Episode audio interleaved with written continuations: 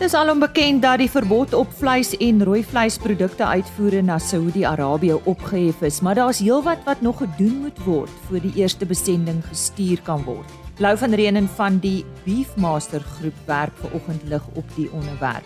Dan vertel Cathy Jason haar storie. Sy's 'n melkboer van die Weppener distrik en ten spyte van al die uitdagings, glo sy daar wink 'n blink toekoms. Ons het natuurlik ook wolveiling nuus.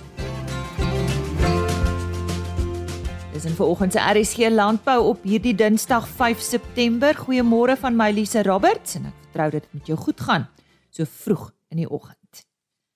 Eers landbou nuus. Die roem van die Suid-Afrikaanse suiwelbedryf is tydens die onlangse SA Stamboek Suiwel Elite Prysuitdeling by die George Skou in die Wes-Kaap vereer. Die ses kuddes wat platinum toekenninge ontvang het, was Waterbron Jerseys, Ede Farming, Walker en Seun, AJ Skoonwinkel, die Hoër Landbou Skool Oakdale en Leon Tom se kudde by Gravelot in Limpopo. En ons bly by die suiwelbedryf, die vier finaliste in die MPO Netbank Rentmeesterskap toekennings is onlangs aangewys. Hulle is Shaun van Huisteen van Tegwan plaas daar in die Anderburg omgewing in KwaZulu-Natal, Neil Wilke van Glentana plaas naby Cookhouse in die Oos-Kaap, Dion Landman van Lactimar Pty Limited in die Tsitsikamma area in die Oos-Kaap en Koenraad Bason van Uilenkraal naby Darling in die Wes-Kaap. Die wenner sal later vanjaar aangewys word. En professor Frikkie Marie is gedurende die RPO Kongres as die nuwe hoofuitvoerende beampte van die rooi vleisprodusente organisasie aangewys. Hy volg vir Gerard Skutte op wat in Junie vanjaar sy aftrede aangekondig het. Skutte het die rol vir die afgelope 35 jaar beklee. Marie is 'n landbouekonoom vir die afgelope 15 jaar by die Universiteit van die Vrystaat en is tans die akademiese departementshoof van landbouekonomie by die fakulteit Natuur en Landbouwetenskappe. Hy is ook al etlike jare op 'n konsultasiebasis by Plaas Media betrokke en die redakteur van die Veeplaas tydskrif. Marie sal met ingang van 1 Februarie volgende jaar 2024 in die pos dien ons wolveiling nuus en soos altyd aan die woord Hanrich Victor. Ja, hartlike goeiemôre weer eens van my waar ons 'n bietjie wolsake gaan gesels. Nou op die 2de en die 3de wolveilings van die seisoen wat op 29 en 30 Augustus plaasgevind het, het die Cape Wools Merino aanwyser gesamentlik vir met 5.7% vir nie gesertifiseerde wol en ook 6.2% vir gesertifiseerde wol verswak teenoor die eerste veiling. En teen 'n skoonprys van R150.25 per kilogram en R162.10 per kilogram onderskeidelik gesluit. Die Australiese EMI het ook ietwat swakker verhandel en met so 0.5% uh verloor teenoor die vorige veiling. Nou die versterking van die Suid-Afrikaanse rand teenoor die dollar het verder bygedra tot die negatiewe sentiment in die Suid-Afrikaanse wolmark. Gesertifiseerde wol het op hierdie twee gesamentlike veilinge dan nou so plus minus 68% van die aanbieding uitgemaak, wat dan ook die algemene verkoopspersentasie effens opgestoot het. Daar is in totaal op die twee veilinge 9961 bale aangebied waarvan 87% verkoop is. Modiano SA het op die laaste veiling die grootste hoeveelheid bale gekoop, gevolg deur Standard Wool SA, Tianyu SA en BKB Pinnacle Fibers. Nou die gemiddelde skoonwolpryse vir die seleksie binne die verskillende mikron kategorieë goeie lang kamwol of MF5 tipes was dan soos volg. En soos gewoonlik onderskei ons dan nou weer tussen nie gesertifiseerde en gesertifiseerde wol. Maar as gevolg van die papper vertoning dan nou op die uh, wolmark hierdie afgelope twee veilinge was daar ook nie regtig vuurwerke in terme van premies vir of tussen die nie gesertifiseerde en gesertifiseerde wol nie. Nou kom ons begin met nie gesertifiseer en dit is dan nou in die 17 mikron kategorie het verkoop vir R193.27 per kilogram gesertifiseer R205.85 per kilogram met 'n premie van 6.5%. Dan kan ons kyk na 17.5 mikron, nie gesertifiseer, R184.35 per kilogram, gesertifiseer R192.77 per kilogram met 'n premie van 4.6%. En dan kan ons dan nou laaste net loer na 18 mikron nie gesertifiseerde wol het verkoop vir R179.77 per kilogram terwyl gesertifiseerde wol 'n prys van R185.90 behaal het en die premie daar was 3.4%. Nou ja, dit is dan in 'n nette dop wat gebeur het op hierdie afgelope twee veilinge dan wat die twee dae agter mekaar plaasgevind het. Die volgende wolveiling is geskeduleer vir 6 September waar daar sowat 5842 bale aangebied sal word. Voorwaar ook nie 'n baie groot veiling dan nou nie soos ons kan sien. Nou ja, tot ons dan weer gesels. Alles wat mooi is vir u, mooi loop. Die stem daarvan Heinrich Victor en volgende week maak hy weer so.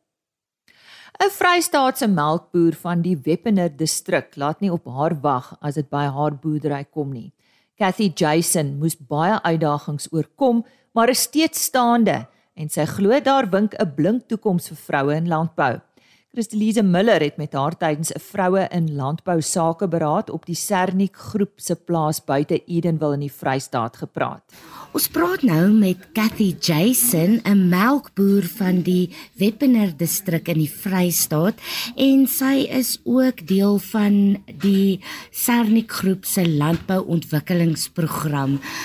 Cathy, vertel vir ons 'n bietjie meer van jouself en jou boerdery. Ek boer op die plaas Fortuna, so 13 km kilos van Wepener af. Ek het baie mooi plaas. Ek moet sê die Here is lief vir my, want ek glo hy het my daar geplaas. Dit het nie net altyd goed gegaan nie. Daar was maar donker daar ook, maar vandag kan ek sê die Here droogtes deur vloede, deur veldbrande, is ek nog steeds vandag 'n boerevrou wat my plek vol staan in die boeregemeenskap daar in ons omgewing. Hoe lank boer jy nou al? Ek boer al van 2010 af. Hoekom het jy besluit op 'n melkboerdery? Het jy op 'n plaas groot geword? Ek het op Tapapatwa groot geword. Daar is mos nou maar 'n landbou gemeenskap. En ons het nou maar van ons ons gedagte begin kry dat jy maar gekry daar is 'n koei en 'n kalf in die agter in die erf in en dit was nog 'n melk en die melk was aangewend vir huishoudelike gebruik. Ons ek het eintlik aanvanklik met skape, dorperskape begin boer daar, maar toe het diefstal my genootsak om dit te verkoop en ek het toe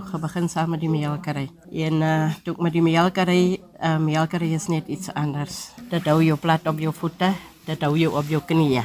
En uh, toe die recuperation die roete toe maak toe moes ek binne 2 tot 2 weke kennis gekry wat ek moes besluit het wat om te doen en ek het net vir myself gesê ek gaan nie ophou ek kom te ver.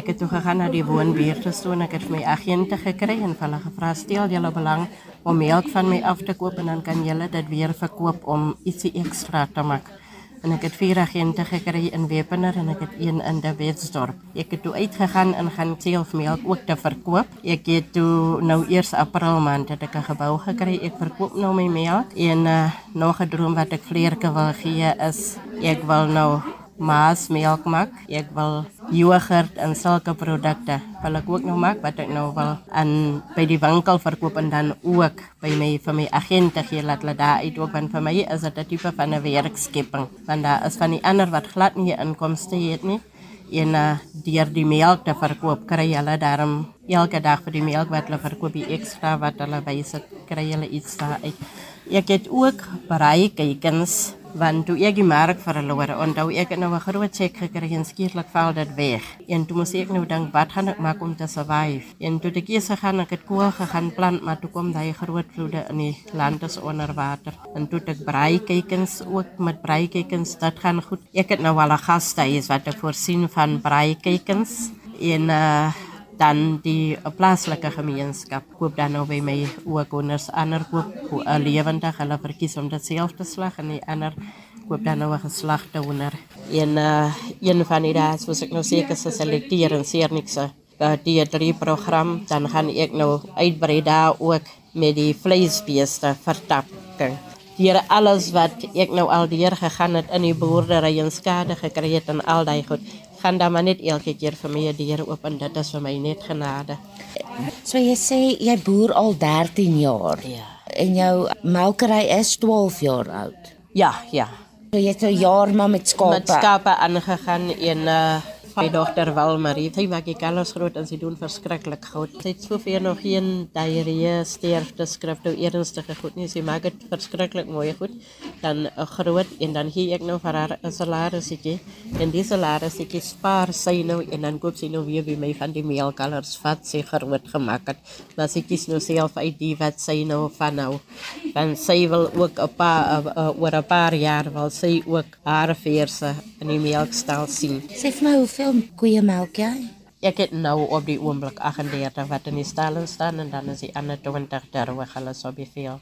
Wanneer het jy by 'n Sarnik se program aangesluit? Ek het 2019 2019 wat hulle gedoen het wat baie goed was vir my is die opleiding wat hulle gegee het. Ons het hulle het ons verskriklike goeie opleiding gegee.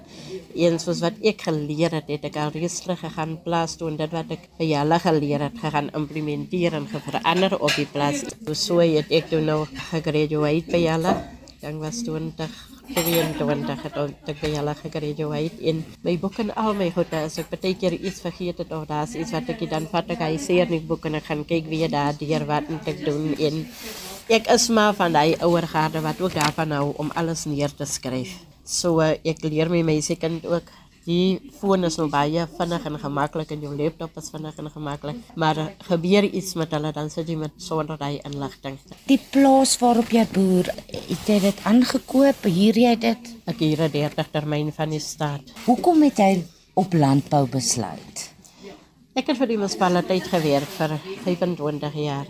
En uh my dogtertjie het breinkanker gekry en toe die dokters my sê hulle kan niks meer vir doen, toe ek gevoel uit die liefde van 'n moederhart. Ek gaan die werk bedank en ek gaan my kind oppas. Daar moet 'n inkomste wees want die medies nou betaal word en alles. Toe besluit ons nou om nou met die plaaswerk aan te gaan en toe my dogter toe net twee jaar toe sy afgesterf en uh, jy weet ek was in 'n kantoor en ek het faksmasjiene oorlei, telefone oorlei, mense op mekaar oor hard praat, skree en praat en al die goed en hier kom ek op die plaas en hier hoor ek nou voeltjies wat fluit en ek hoor daar skree en as jy in die veld gaan stap dan is dit so asof jy voel maar die skepper is hier naby jou in die natuur en en net daar het ek besluit maar kyk dis wat ek gaan doen tot die einde van my lewe.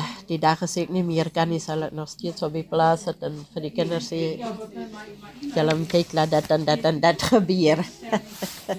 Wat is jou boodskap aan ander vroue in landbou om te boer is harde werk. En mens moet net wees net gefokus op dit wat jy doen. En as jy weet jy doen 'n ding goed, mens verander nie wen resep nie of 'n sukses resep nie so. Laat ons hard werk, laat ons vir die manne wys ons kan dit ook doen. Die boerdery wêreld was mos altyd vir die mans gewees en hulle het ons vrouens aangekyk asof jy is iemand met sagte handjies, jy kan nou nie dat doen nie of jy kan nie 'n skroef vaskap of jy kan nie dat nie in as jy vir jouself sê maar ek gaan dit doen, dan gaan jy dit doen. En ek wil vir die vrouens sê, uh, wees gefokus, moet nie as as as jy 'n liefde het vir boerdery. Dit maak nie saak wat gebeur, wat jy op die TV sien, wat jy in die koerante lees of wat leef jou boerdery uit en wees gelukkig. En in boerdery moet jy altyd sorg dat jy 'n plan B het. Dit was aan Cathy Jason, 'n melkboer van die Weppener distrik in die Vrystaat en Christelise Miller het tydens 'n vroue in landbou sake beraad met haar gepraat. Goeie nuus vir Suid-Afrikaanse rooi vleis. Saudi-Arabië se voedsel- en medisyne owerheid het onlangs 'n verbod op vleis en rooi vleisproduk invoere vanaf Suid-Afrika opgehef. Ons het by Lou van Reenen, uitvoerende hoof van die Beefmaster groep, meer hieroor gaan uitvind. Ons wou by hom weet wat moet nou nog prakties gebeur voor ons kan begin uitvoer.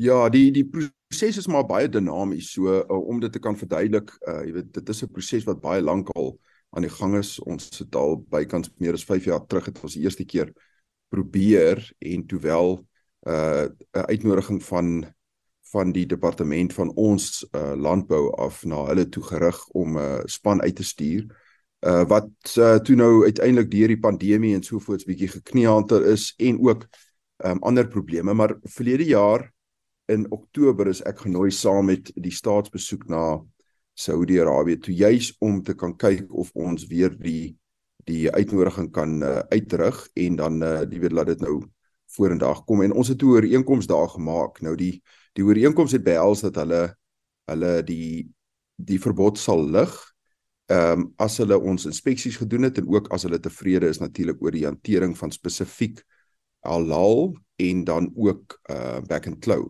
So daar was 'n paar uh probleme wat nou in die lig gekom het met die inspeksies. Die inspeksies het plaasgevind in in Junie maand uh, by die verskeie aanlegte in Suid-Afrika waarvan ons uh, heeltemal uh ek dink oor oor die algemeen goed gedoen het, maar die een groot uitdaging bly vir uh baie van die moslimlande is die prosedure agter slagting rondom halal.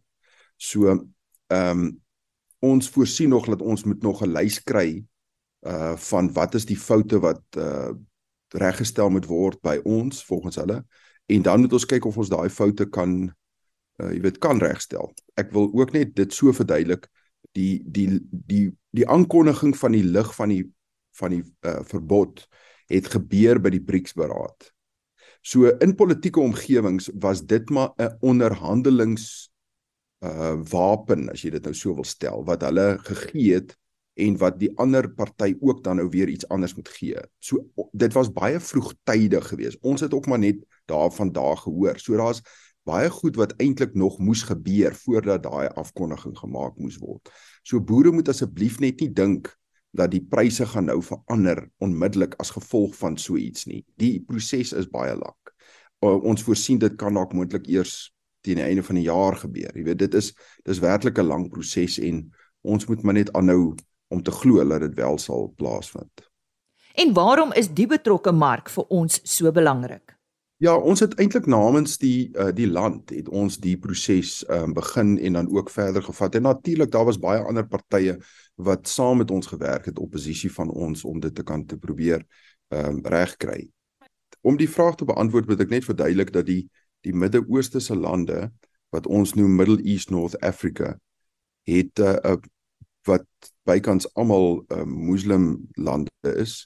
Die populasie is um, in die orde van so 70 miljoen mense en en ons voer na al die ander lande uit behalwe Saudi-Arabië op die oomblik. En Saudi-Arabië het basies die populasie van die helfte van daai hoeveelheid mense. Daar's geweldig baie kapitaal en uh monetêre voordele om na Saudi-Arabië toe ook uit te voer en dit is 'n baie groot mark relatief teenoor die ander. So dit sal dit sal werklik vir ons die grootste mark wees, baie stabiele mark.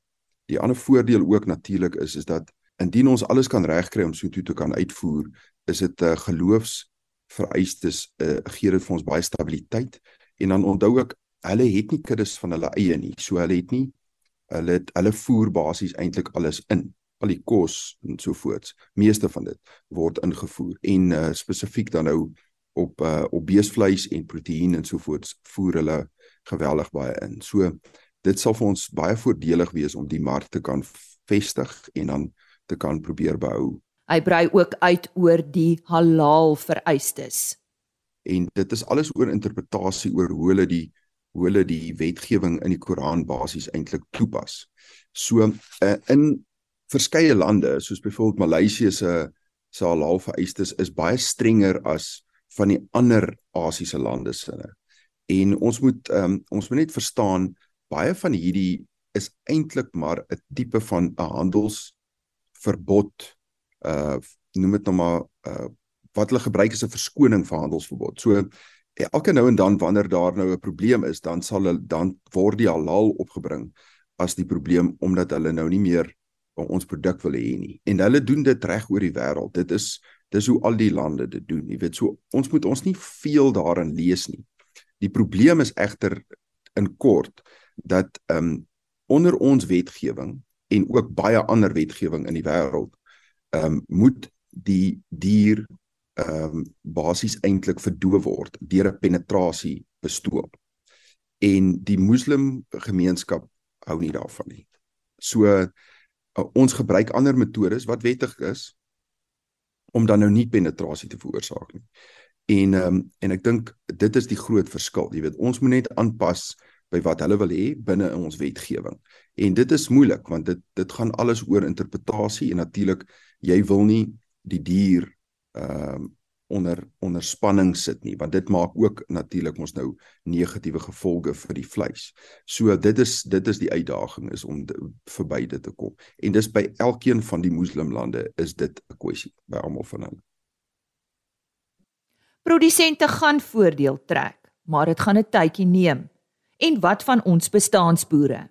Ja, verseker. Ek bedoel dit is die hele idee want ons het meer volumes nodig. Kyk, ons het die voerkraalbedryf het basies eintlik in die laaste 20 jaar verdubbel uh, in grootte. So ons het definitief meer van die bestaansboere se se diere wat ons intrek. En as jy nou regtig eintlik aan een produk kan dink wat werklik eintlik die bestaansboere kan finansiëel bevoordeel, is dit beeste.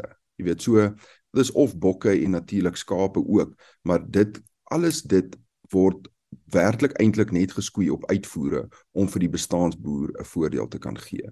En dit gaan 'n monetêre voorbeeld wees. Jy weet, die meeste proteïen in Suid-Afrika, insluitende beesvleis, is uh, is die prys van ons produk bykans die helfte van die wêreldprys. Nou ons moet onsself afvra hoekom is dit so goedkoop? Jy weet, dis nie 'n geval van ek betaal die boere minder en nou maak ek net meer geld nie. Dis waarvoor ons verkoop in die wêreld. Jy weet, so ons kan definitief met beter markte kan ons daai prys opstoot en dit kan 'n marge deurgee vir die boer. Ons reken dit kan teen 2030 met ons ehm um, uitvoere bereik word by seker maar 25% of 20% van ons van ons van ons uh, totale verkope kan ons 12 miljard rand terugsit per jaar in die boer se sak. So en dit dis al die boere. En en ek dink dit is die voordeel wat ons gaan sien. En dit gaan gebeur. Ons gaan dit regkry. Watter bedreigings is daar nog wat dalk 'n speek in hierdie wiel kan sit? Ja die bedreiging is maar nog altyd daar en dit is dis dis nie so seer net back and close hier nie. Dit is uh dit kan slengtalkoors wees dit kan ehm um, knoppiesvel wees daar daar's baie siektes uh wat wat dit doen. En ek my voorstel is net dat boere werklik werklik self hulle biosekuriteit moet uh, goed doen en stop en probeer boere wat wat diere van van ander dele af onwettig bekom om dit nie naby hulle te kry nie want dit gaan hulle weer aansteek. Jy weet jy kan verskeie van die Vrystaatse boere en Noordwes boere gaan vra wat nou deur daai proses is. Jy weet hulle het niks verkeerd gedoen nie en hulle is hulle diere is uh, besmet deur diere wat ingebring is van ander dele af en dis onregverdig. Jy weet so maar die die punt is dis maar die goed wat wat boere kan doen en ons ook self. Jy weet ons moet daagliks daagliks ons het uh sisteme in plek om dit daagliks te verhoed en dan die ander ding is natuurlik is om uh, jy weet daar is nie regtig eintlik 'n mooi beskrywende woord in Afrikaans nie maar om die traceability van die beeste en van die diere te kan te kan deurvoer en ek dink net boere moet dit ehm um, begin doen op hulle eie. Dis tot 'n voordeel vir hulle self ook in hulle eie stelsels. Maar ek dink dis wat ons ehm uh, voor staan is om te probeer om daai stelsels uh, uit te voer. Die nadeel is is net geen van die lande wil hê dat dit moet in 'n privaat hoedanigheid gedoen word nie. Hulle wil hê die staat moet in beheer wees daarvan. En dis ons uitdaging is om die stelsel daar te vestig wat die staat dit bestuur. Lou van Reenen, uitvoerende hoof van die Beefmaster groep, wat vandag met ons gesels het oor ons vleis en rooi vleisproduk uitvoere na Saudi-Arabië nadat hulle voedsel en medisyne owerheid die verbod opgehef het. Dis dan vandag se RSC landbou om ek verskaf net weer 'n e-posadres en webtuiste indien jy eh, weer na 'n program wil gaan luister rsc.co.za. Jy kan ook gaan kyk by agriorbit.com en 'n e-posadres rsglandbou@plaasmedia.co.za. Ons gesels weer môre. Ek sien uit. Totsiens. RSG Landbou is 'n Plaas Media produksie met regisseur en aanbieder Lize Roberts en tegniese ondersteuning deur Jolandi Root.